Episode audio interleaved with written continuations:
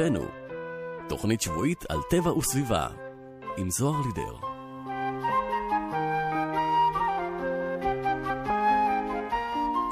בוקר טוב לכולכם, מאזינות מאזינים. גם השנה, כמדי יום רביעי ב-10 בבוקר, אנחנו נפגשים בתוכנית סביבנו, תוכנית שבועית על טבע וסביבה, כאן באזור שלנו, ורדיו כל הגליל העליון, 105.3 FM.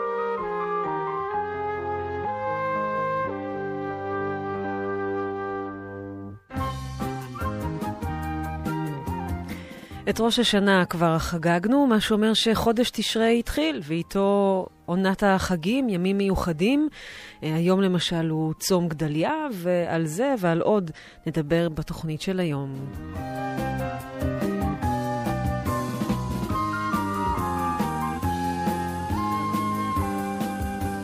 שמו של חודש תשרי, כמו שמותיהם של החודשים האחרים, הגיע אלינו מבבל, מהשפה הארמית. את שמות החודשים הביאו שבי ציון, שחזרו מגלות בבל ליהודה לפני כ-2500 שנה, והמילה תשרי באה מהמילה הארמית תשריטו, שפירושה בעברית התחלה. ואומנם בלוח העברי הנהוג כיום מצוין חודש תשרי עד התחלת השנה, אבל לא כך היה בתקופת המקרא. התורה מזכירה התחלה אחרת של השנה באביב, בחודש ניסן, שהוא ראש חודשים ראשון לחודשי השנה. השנה, כך בספר שמות. בהתאם לספירה המתחילה בחודש הראשון, ניסן, תשרי הוא החודש השביעי, וראש השנה חל בחודש השביעי, באחד לחודש, כך בספר ויקרא. ובכל זאת, גם במקרא יש רמזים לעוד התחלת שנה, בעונת הסתיו. לדוגמה, על חג הסוכות נאמר בתורה שהוא חג האסיף בצאת השנה, בספר שמות, ולכן יש הסבורים כי כבר בתקופת המקרא היו שתי התחלות לשנה. התחלת השנה באביב, בחודש הראשון הוא חודש ניסן, שבו יצאו בני ישראל ממצרים וחגגו את חג הפסח. והתחלת נוספת הייתה ממש עכשיו בסתיו, בחודש השביעי, הוא חודש תשרי, שציין את סוף השנה החקלאית, את האסיף, ואת ההתחלה של שנה חקלאית חדשה.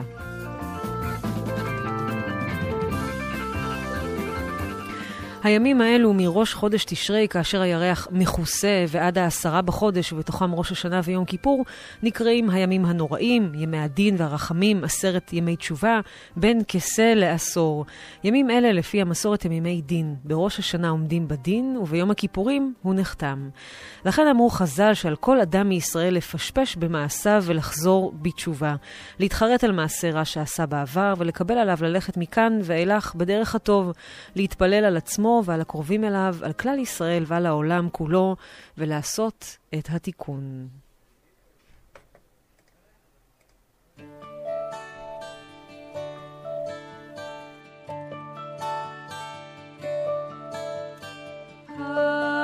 השמיים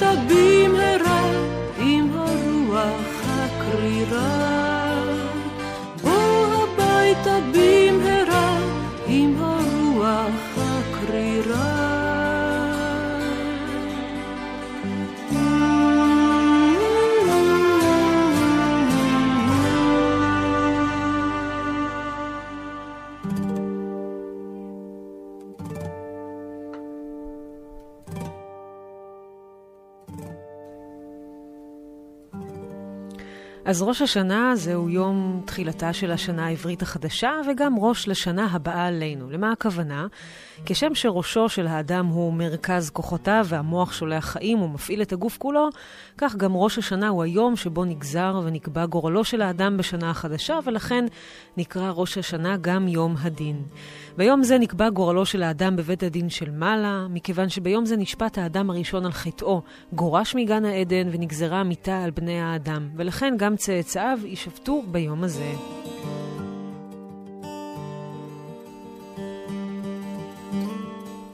זהו גם יום זיכרון ותרועה. בחגי ישראל באים לידי ביטוי חוש הטעם, חוש הריח וחוש השמיעה.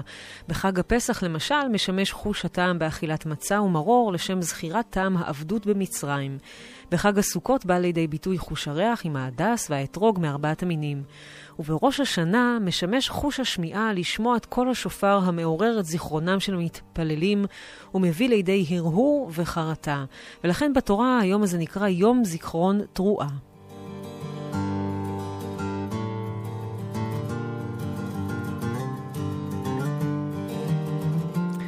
ראש השנה הוא גם יום הכסה. סוכות ופסח חלים כאשר הירח מלא, כלומר באמצע החודש. ראש השנה חל בתחילת החודש כאשר הירח מכוסה וכמעט אינו נראה. ומכאן שמו, יום הכסה. מדוע חוגגים את ראש השנה דווקא ביום שבו הירח כמעט אינו נראה? הסבר אחד הוא שבשבתות ובמועדים בני ישראל משולים לירח ומאירים את סביבותיהם, ואילו בראש השנה, שהוא יום הדין, הם מתכסים ולא מפיצים את אורם.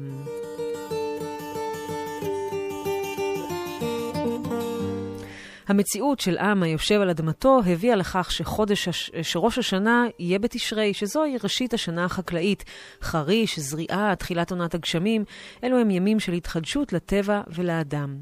עיקרו של ראש השנה הוא בתפילות, בתקיעת שופר, באמירת תשליך ליד מקור מים, בו מרוקנים את הכיסים ומקווים להתחיל שנה חדשה נקייה מחטאים, בסעודות חג ובהרבה מאכלים סמליים. נהוג שהחג הפך לימים של סיכום וחשבון נפש, מסכמים את השנה שחלפה ומתווים את החזון לשנה הבאה.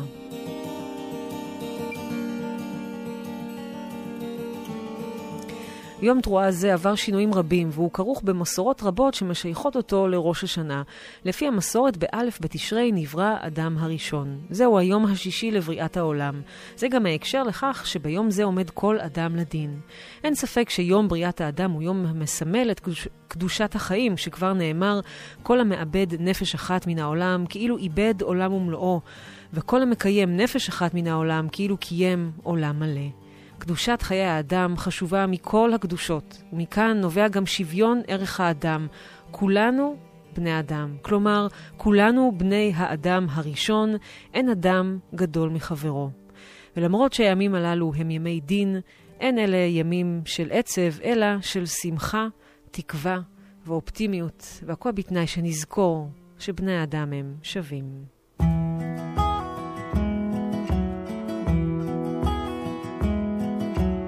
כל שנה ושנה מוריק הדשא ועולה חמה ויורד המטר. כל שנה ושנה האדמה מתחדשת, מלבין אחד צב ומזיו והדר. כל שנה נולדים אנשים לרוב, לדמעות ולצחוק, לאחווה ושנאה. יש מישהו הרוצה רק טוב, גם השנה.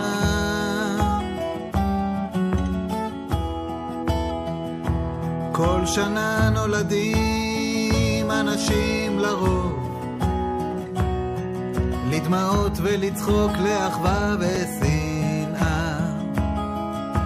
יש מישהו הרוצה רק טוב, גם השנה.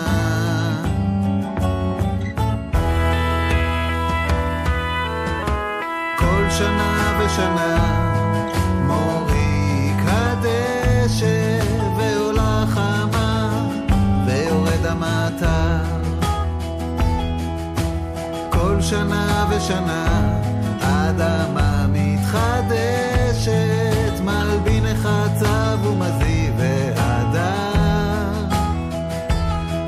שנה נולדים אנשים לרוב, לדמעות ולצחוק, לאחווה ושנאה.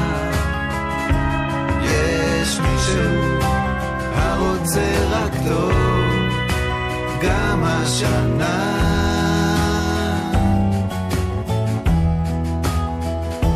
כל שנה נולדים אנשים לרוב,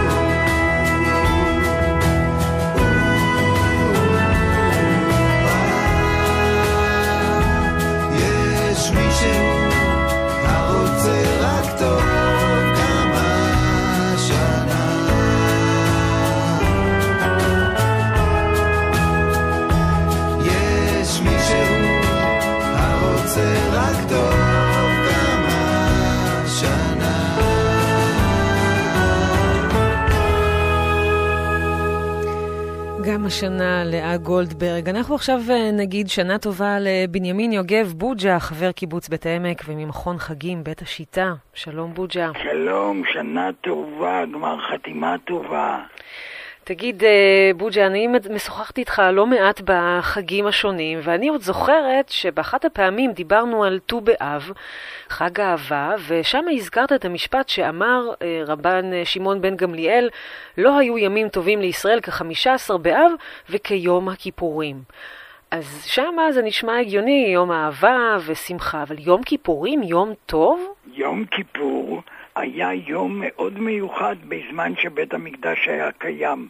בעצם זה היה יום של אדם אחד, הכהן הגדול, שהיה נכנס לקודש הקודשים ביום הזה, וכל בני, בני ישראל יצאו, אה, כשהוא יצא, היה עושה יום טוב לכל אה, הציבור, ואז גם בנות ישראל יצאו והיו חולות בכרמים בבגדים לבנים. רק מאוחר יותר זה הפך להיות יום הדין לכל אדם. אז באמת אה, דיברנו עכשיו על, אה, על ראש השנה, ספר לנו קצת על המעבר הזה בין ראש השנה ליום הכיפורים. אה, ראש השנה זהו יום הדין, ויום הכיפורים בעצם הדין חל כבר. לא, בעצם אומרים שאנשים כולם צדיקים, כבר בראש השנה נכתבים לחיים. וביום הכיפורים החתימה, אנשים בהמנוניים שעדיין לא ברור, יום הדין הוא יום הכיפורים.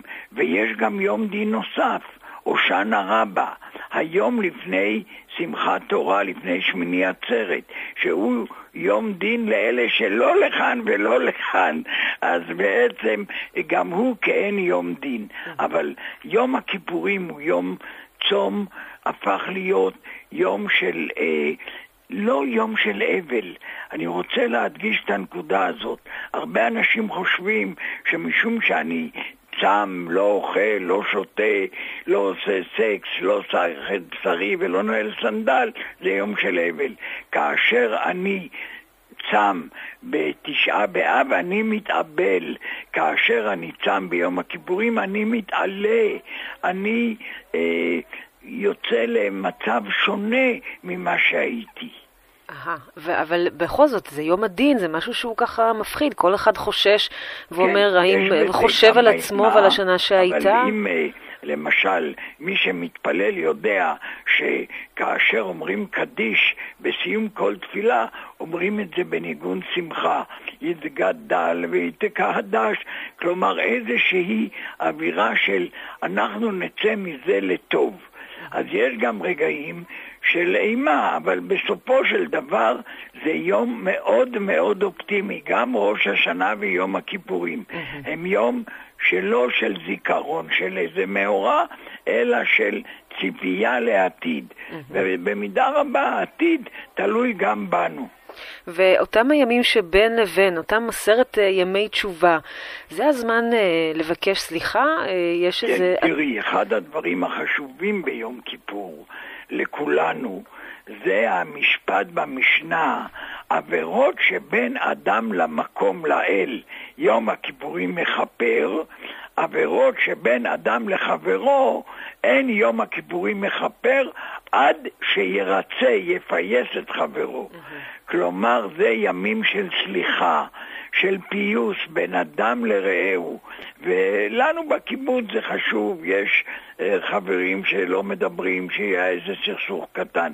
זאת הזדמנות מראש השנה, בעשרת ימי תשובה, בערב יום כיפור, לגשת איש לרעהו, להגיד סליחה, להגיד שנה טובה, חתימה טובה, איזושהי הזדמנות. ואגב, הרמב"ם אומר שאם מישהו לא רוצה לסלוח, שולחים שלושה בני אדם מרעיו שלוש פעמים לבקש שיסלח. כלומר, לקהילה, לקיבוץ, לפלוגה בצבא, לחדר המורים, יש אינטרס ששני האנשים הללו יתפייסו. אגב, שלוש פעמים לא יותר, חוץ ממקרה אחד. אם היה מורו או רבו, הולך אפילו אלף פעם. תראי מהו מעמד המורה. אלף פעם הולך.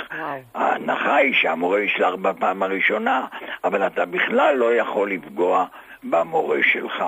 אנחנו יודעים איפה מעמד המורה היום. כן. אז אגב, היום אתה לא חושב שיש איזושהי זילות באמירת הסליחה? היום נדמה שכל מי שעשה איזשהו משהו באמת, כמו שאתה אומר, בין אדם לחברו, אה, יכול לפתור את זה על ידי אמירת סליחה בדיוק בתקופה הזאת, ואחר כך להמשיך במעשיו. איך אנחנו יודעים שהכוונה באמת כנה יש, ואמיתית? יש אה, משפט שאומר, האומר אחטא ואשוב, אחטא ואשוב, אין מספיקין בידו לעשות תשובה.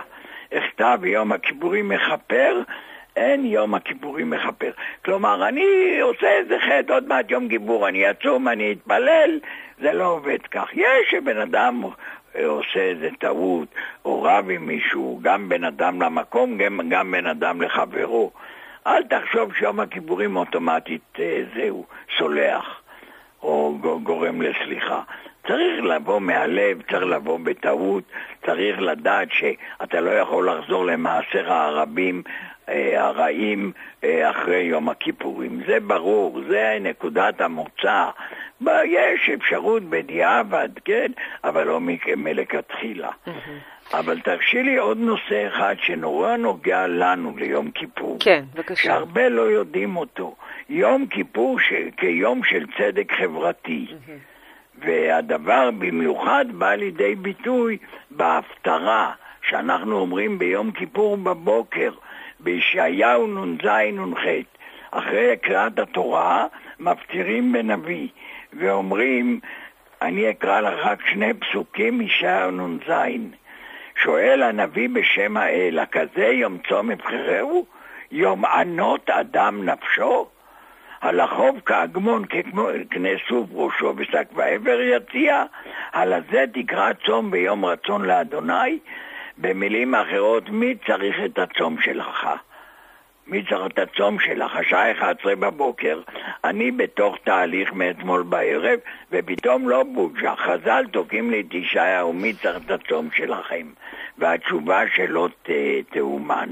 הלא זה צום אבחרהו, פתח חרצובות רשע, רסק את שרשרות הרשע, העוול, הגזענות, אי הצדק בחברה. עטר אגודות מותה, מותה זה העול הזה שרותמים את הבהמה.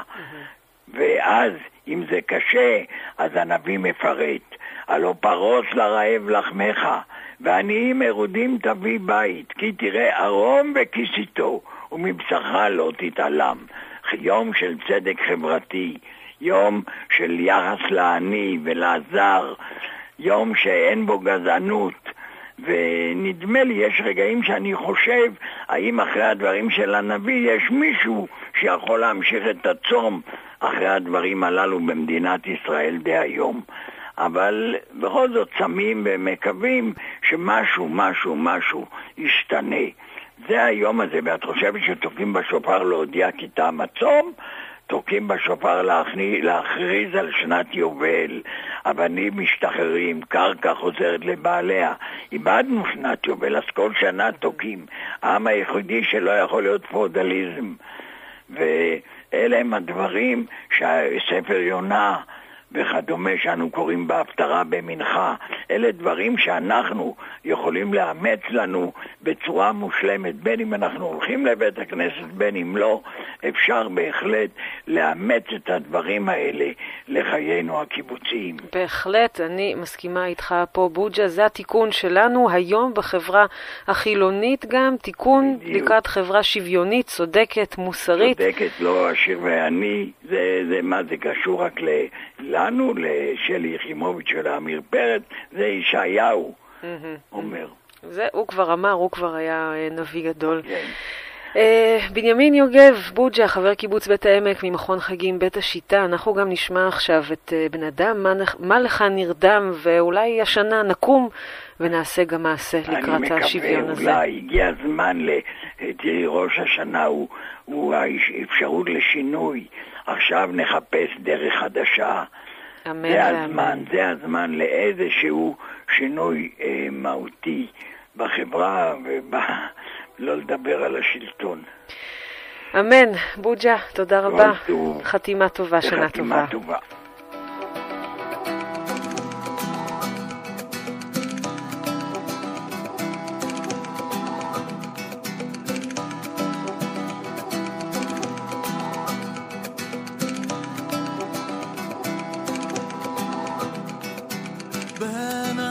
אדם עליך נרדם, קום קרע בתחנונים, שפוך שיחה דראש סליחה, מאדון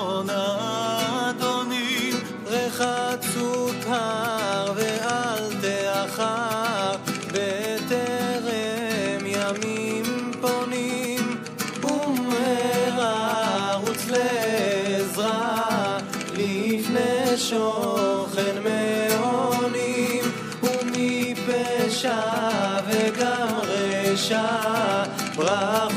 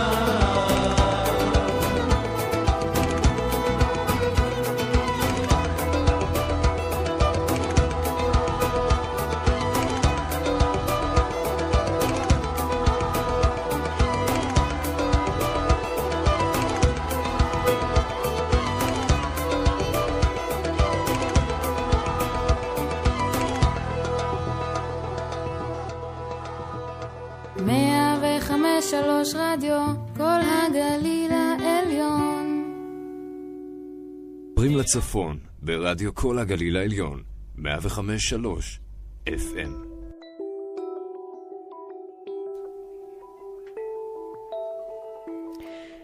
אז מי שמצטרפת אה, ומי שמצטרף, אתם מאזינים לתוכנית סביבנו, אני זוהר לידר, והיום אנחנו מדברים על חגי תשרי, והנה דברים שכתבה עינת קרמר מטבע עברי על תשרי חברתי סביבתי. אחרי החגים מתחדש הכל, אומר השיר, ואכן תקופת חגי תשרי יוצרת תחושה ממשית של זמן מעבר, המוביל לשינוי ולהתחדשות. אם נתבונן לעומק ברצף חגי תשרי, נבחין בתהליכים שונים שאנו עוברים במהלכם ובאמצעותם, שמובילים אותנו לאותה תחושה מבורכת. אז בראש השנה אפשר לעשות תיקון סביבתי, זהו החג שפותח את חגי תשרי, על פי המסורת יום סיום בריאת העולם ובריאת האדם. תפיסת העולם לפי האדם נברא מתוך רצון אלוהי, מובילה בהכרח לשאלה לשם מה, או מדוע נברא יצור בעל כוח כה רב בעולם שבלעדיו היה מאוזן להפליא. בתיאור האדם בספר בראשית עונה לנו הכתוב על תפקיד האדם בבריאה בשני פסוקים. הראשון, ברכת אלוהים לאדם, ויברך אותם אלוהים, ויאמר להם אלוהים, פרו ורבו ומילאו את הארץ, וכבשוה, ורדו בדגת הים ובעוף השמיים ובכל חיה הרומסת על הארץ. כך בספר בראשית, א'. ובמשפט השני, בפסוק השני, תיאור תפקיד האדם, ויקח אדוני אלוהים את האדם ויניחהו בגן העדן לעובדה ולשומרה, כך בבראשית, פרק ב'. ייעודו של האדם גלום במתח בדיוק בין שני הפסוקים האלו, בין רדיעה לעבודה, בין כיבוש ושמירה. האיזון הנכון בין פיתוח העולם והעלאתו למדרגה גבוהה יותר, ובין שמירתו ושימורו. רק מתוך הכרת נבראותו, מסוגל האדם לגבור על שרירות לב עצמו, לשמור על חוקי הבריאה, להכיר תודה לכל הברואים, להודות בקיום ייעוד ותכלית, ולהגיע לאיזון אקולוגי מלא. ראש השנה, יום בריאת העולם, מזכיר לנו שלעולם הזה יש מלך. אנו איננו אדוני היקום. אנו זוכרים גם כי המלך הזה בחר לברוא אותנו כי הוא מאמין בנו. מאמין ביכולתנו לתקן ולא להרוס. לשמור על הרמוניה בעולם ולא להחריבו. בראש השנה אנחנו נזכרים בבריאת העולם, במלכות אלוהים, ומקבלים עלינו מחדש את התפקיד של לעובדה ולשומרה. שימוש בכוחנו כבני האדם לשמירה על איזון בין כל חלקי הטבע ובינינו ובין עצמנו.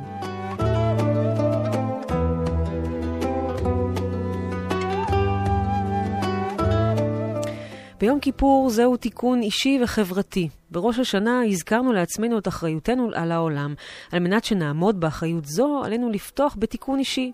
על כל אחד מאיתנו לבדוק עצמו, היכן יתרחק מן הציווי האלוהי, מה עליו לתקן על מנת שיוכל לעסוק באמת בתיקון העולם ובשמירת ההרמוניה בו. להפתעתנו, דווקא ביום זה של תיקון אישי, אנו מקדישים חלק גדול מהתפילה לווידוי על רשימת חטאים קבועה מראש, וכל זאת בלשון רבים. אשמנו, בגדנו, גזלנו, דיברנו דופי. זה מתוך תפילת יום הכיפורים. הסיבה לכך ברורה אם ניזכר בדרך שעשינו עד כאן מראש השנה. בראש השנה נבראנו אנו, בני אדם, וקיבלנו תפקיד בעולם.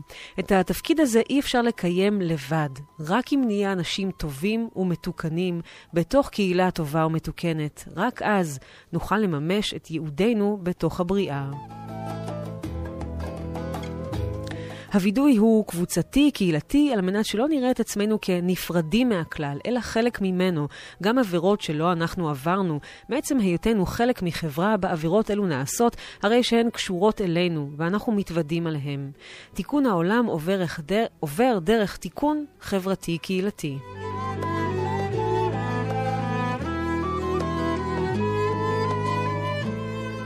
תובנה זו מסבירה גם את ההלכה, עבירות שבין אדם למקום יום הכיפורים מכפר, ושבינו לבין חברו אין יום הכיפורים מכפר עד שירצה את חברו. זאת אומרת שעל מנת לתקן את העולם, עלינו להיות חלק מחברה מתוקנת, חברה שהשלום שוכן בה. יום הכיפורים מזמין אותנו לתקן את עצמנו, להשכין שלום סביבנו, ולקחת אחריות על הקהילה בה אנו חיים, על מנת שיחד נוכל למלא את ייעודנו בבריאה.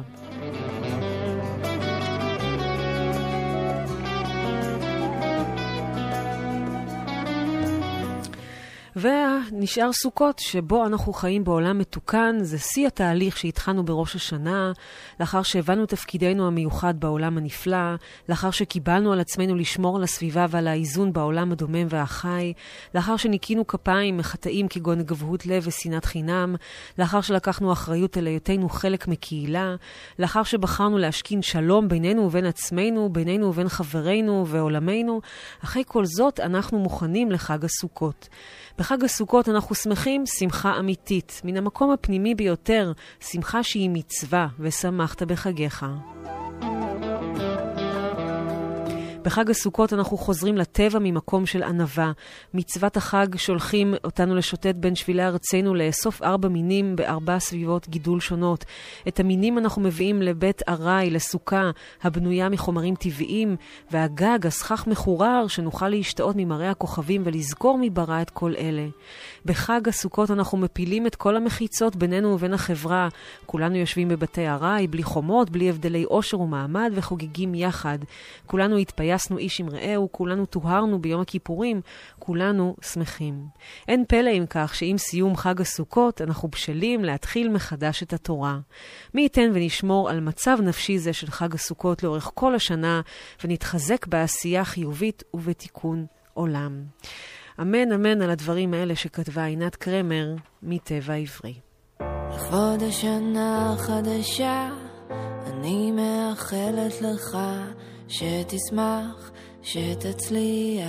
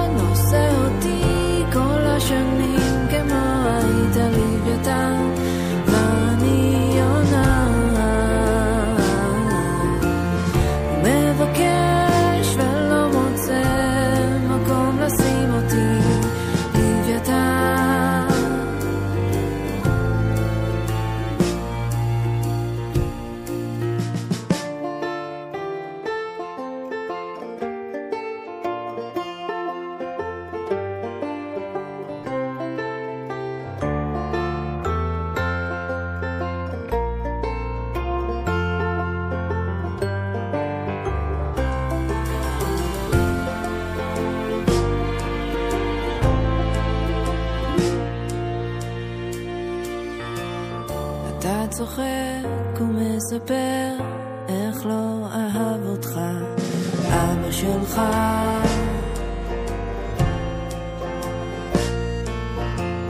ובזווית אתה בודק אם בלי ששמת לב חמק לך. משהו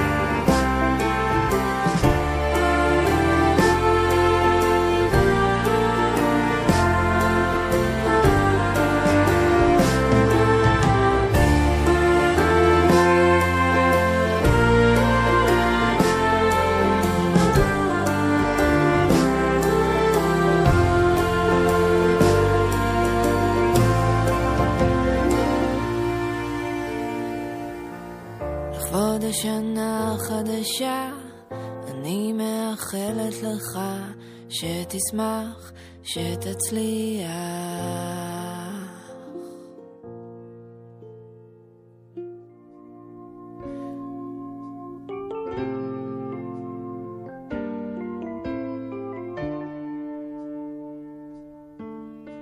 סתיו יהודי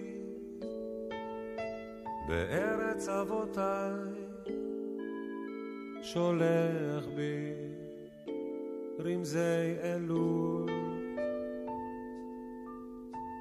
כבר משתגעות בי הציפורים הקטנטנות שורקות העצב של יום הכיפורים. אז ייתקע בשופרו לפתוח שערי שמיים ופנים יהודיות מן הגולה בעפרפר נוגה. ירחפו לפני כיסא אדון עולם.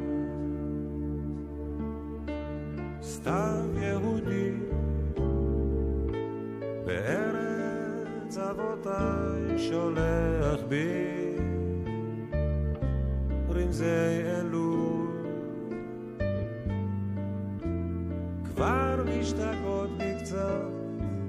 הציפורים הקטנטנות שורקות העצב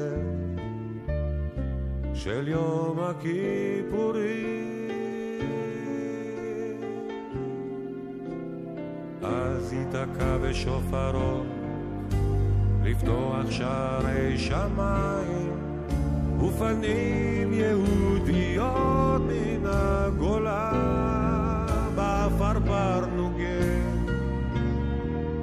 ירחפו לפני כיסא אדון עולם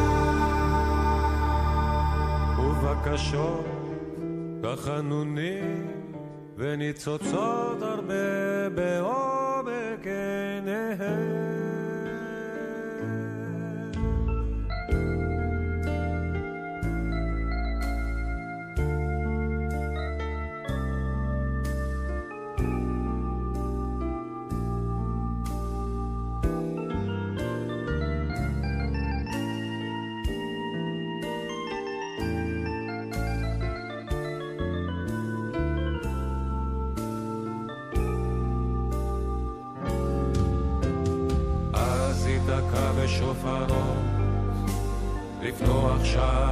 שמיים ופנים יהודיות מן הגולה בעפרפר נוגה ירחפו לפני כיסא אדון עולם. סתיו יהודי בארץ אבותיי שולח בי רמזי אלול אז היום אנחנו מציינים אה, את אה, צום רצח גדליה בן אחיקם, ורובנו כלל מודעים לסיפורים וליום המשמעותי הזה. וכדי שנכיר ונבין מה הסיפור מאחורי הצום, נדבר עכשיו עם הרב דוד סתיו, שהוא יושב ראש ארגון רבני צוהר. שנה טובה לך וחתימה טובה. שנה טובה וחתימה טובה לך ולכל עם ישראל. כן, צום גדליה הוא משהו שפרץ לתודעה הציבורית הישראלית דווקא אחרי רצח יצחק רבין. כי אה, כשרצו לומר שזה הרצח הפוליטי הראשון שנרצח ראש ממשלה, אז אה, יודעי התנ"ך שבינינו הזכירו לנו שכבר היה רצח פוליטי לפני כמעט 2,500 שנה, אה, רצח פוליטי של המושל של ארץ ישראל שמשל בחסות הבבלים, וכנראה לא כולם אהבו אותו. בוא, בוא באמת תן את הרקע, כי רובנו, גדליה היה אלמוני בעינינו. אז ספר לנו קצת את הרקע, מה היה אז. כן. הימים הם ימי חורבן בית ראשון. הבית, אה, הבית חרב, אבל לא כל היהודים אה, גלו מהארץ. אגב, גם בבית שני, גם אחרי החורבן, בטעות אנחנו חושבים שכשבית המקדש חרב, אז מיד כל היהודים עזבו את הארץ ל... לאיטליה או לרומא או למקומות אחרים, ולא היא. הייתה גלות. גם בבית ראשון, גם בבית שני, אחרי שבית המקדש חרב, לא אוטומטית עם ישראל גלה מארצו. רבים רבים, אולי יש אומרים אפילו רוב העם, נשאר בארץ ישראל. אלא מה? שהאימפריה שכבשה הייתה צריכה להשתמש בכלי עזר מקומיים כדי שינהלו את החיים של החברה היהודית באותם מקומות. ועל כן הקימו מושל, ששמו היה גדליה בן אחיקם, שהוא היה המושל על היישוב היהודי שנשאר בארץ ישראל. אנחנו מדברים אחרי חורבן בית ראשון, כלומר בערך אה, בסביבות 586 לפני הספירה, משהו כמו לפני 2,550 שנים, ועל זה אנחנו מדברים. היו כאלה, וזה קרה בראש השנה, שלא אהבו את אה, צורת השלטון שלו, אולי את קרבתו אל השליטים הבבליים, ולכן אה, רצחו אותו. וזה התרחש בימים האלה ממש בראש השנה של אותה השנה, ועל כן, אה, כתוצאה מהרצח הזה, היישוב היהודי בארץ כבר לא יכול היה להחזיק מעמד, ורבים רבים גלו אז. כלומר, הגלות הגדולה התרחשה דווקא אחרי uh, רצח גדליה, ולא אחרי uh, חורבן המקדש. רבים נפוצו למצרים ולמקומות אחרים, ואנחנו uh, מזכירים את האירוע הזה uh, דווקא כאחד מארבעת הצומות שקשורים למקדש, אם כי הם לא מתייחסים למקדש באופן ישיר, אבל הם מתייחסים בהחלט לחורבן של העם שלא ידע לנהל את חייו כאן גם תחת השלטון היהודי האוטונומי שקיבלו בחסות האימפריה הבבלית. תגיד, במה שונה הרצח הזה של גדליה מסיפורים קשים אחרים שמוזכרים בתנ"ך? הרי זה לא הפעם הראשונה שגיבורים מתים, ואפילו זה לא סיפור הרצח הראשון. מה ההבדל? מה המשמעות כאן? נכון, אבל המשמעות של הרצח הייתה בעצם הגלות. כלומר, האירוע הזה הוא בעצם זה שפיזר סופית את היישוב היהודי בארץ ישראל, הוא פיזר אותו לכל תפוצות הארץ. זה משהו שמאוד מקביל למרד בר כוכבא שהתרחש 70 שנה אחרי חורבן בית שני. אחרי חורבן בית שני יהודים רבים נשארו בארץ, אבל מרד בר כוכבא וכישלונו של המרד גרם לכך שעד היום הזה אה, רוב העם היהודי נמצא בחוץ לארץ, ורק עם הקמת מדינת ישראל אז אה, החלו להתקבץ יהודים חזרה לארץ ישראל. אותו דבר שעשה מרד בר כוכבא לחורבן בית שני, עשה רצח גדליה לחורבן בית ראשון. כלומר, זה בעצם זה שחתם סופית את הגלות של העם מארצו לבבל ולמצרים. ובכל זאת, הנה, בר כוכבא כולנו מכירים, וגדליה נשאר אלמוני. היום אה, הרבה אנשים פה בישראל לא מכירים את הסיפור, הוא פחות פופולרי. איך אתה מסביר את זה? אמרתי, אני חושב שה... אה, רצח רבין הוא זה שהעלה אותו קצת למודעות, mm-hmm. אבל uh, את צודקת שרבים לא מכירים אותו מהסיבה הפשוטה שהוא מוזכר אי שם בסוף, בסוף ספר uh, מלכים ב', אני חושב שרבים לא, לא, לא מגיעים אליו, ובגדול uh, האירועים של בית ראשון, מכיוון שחורבן בית שני, התיעוד ההיסטורי והארכיאולוגי הוא הרבה יותר נרחב, mm-hmm. וגם אנחנו חווים עד היום הזה את בית, את בית שני. ממילא בית ראשון וכל האירועים שקשורים בו אה, נשכח מלב. אבל אה, אנחנו טורחים להזכיר את זה פעם בשנה בצום גדליה. בטח, אבל אתה יכול אה, להסכים איתי שהיום הזה והסיפור המזעזע הזה זה משהו שצריך באמת לזכור ואולי לעלות למודעות, והיום בימינו ליישם את הלקח. אתה חושב שלמדנו את הלקח הזה?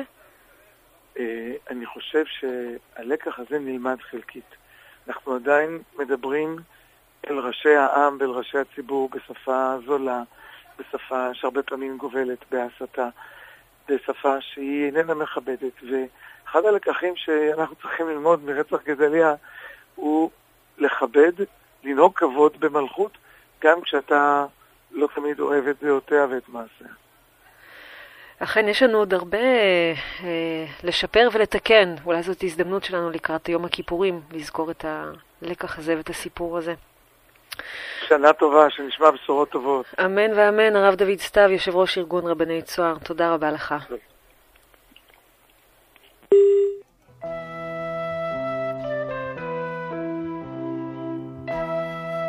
סביבנו, תוכנית שבועית על טבע וסביבה, עם זוהר לידר.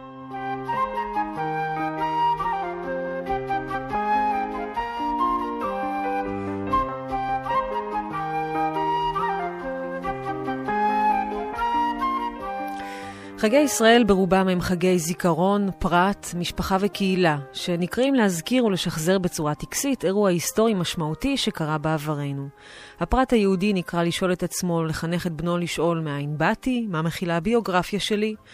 בפסח, בסוכות ובשבועות אנחנו שואלים מתי ואיפה נולדתי. במצרים כעבד ויצאתי משוחרר.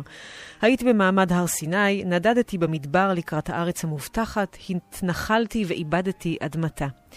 אבל לראש השנה ויום כיפור אין היסטוריה, אין זיכרון, אין עבר, אין סיפור, אין דרמה. לכן, לא הזמן, לא הלידה ולא הזהות קובעים את תוכניהם.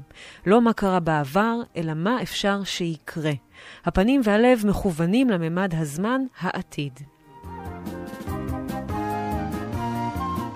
שני מועדים אלה שואלים, מה כיוון חייך? כיצד בחרת לחיותו?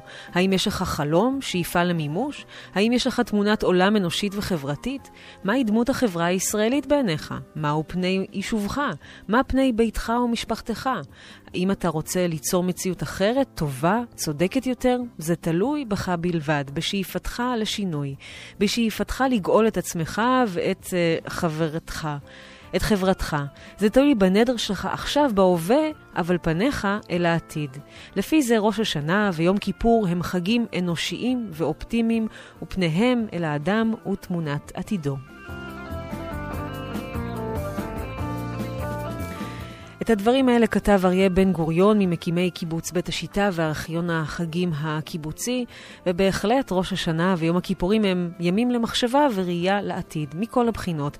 וגם את הנושא של אורח החיים הסביבתי שאנחנו רוצים וצריכים לבחון. באיזה עולם אנחנו רוצים להמשיך לחיות? מה נשאיר לילדינו? האם הנוף בו אנו גדלנו יישאר כאן לדורות הבאים? האם אנחנו יכולים להמשיך ולהשתמש במשאבים כאילו אין מחר וללא אחריות אישית על מה שנותיר כאן אחרינו? לפי המסורת נפרע האדם הראשון בראש השנה, ובמדרש כתוב בשעה שברא הקדוש ברוך הוא את האדם הראשון, נטלו והחזירו על כל אילני גן עדן ואמר לו, ראה מעשיי, כמה נעים ומשובחים. תן דעתך שלא תקלקל ותחריב את עולמי, שאם תקלקל, אין מי שיתקן אחריך.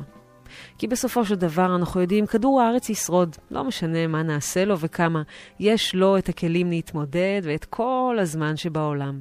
לנו ולדורות הבאים אין. כי כשאנחנו מדברים על שמירת הסביבה, אנחנו בעצם מדברים על שמירת המין האנושי, על בני האדם סביבנו.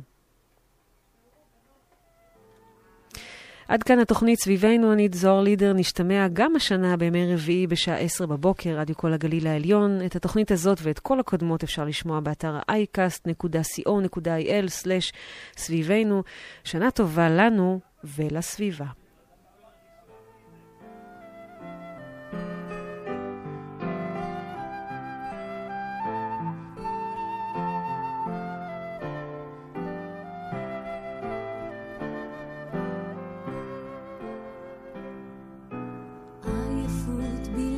מוסברת, פיק ברכיים לא מובן, זו שעה שלא חוזרת לעולם, אבל בלבך אתה יודע שמעבר לפינה אהבה חדשה ממתינה.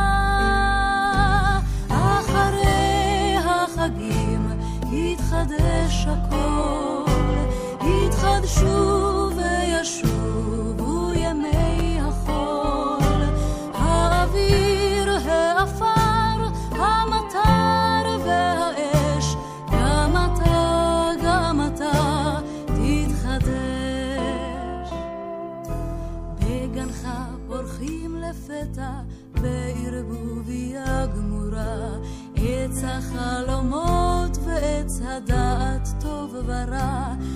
הסתכל על כליך שהשארת בחצר, הפטיש, הסולם, המדר.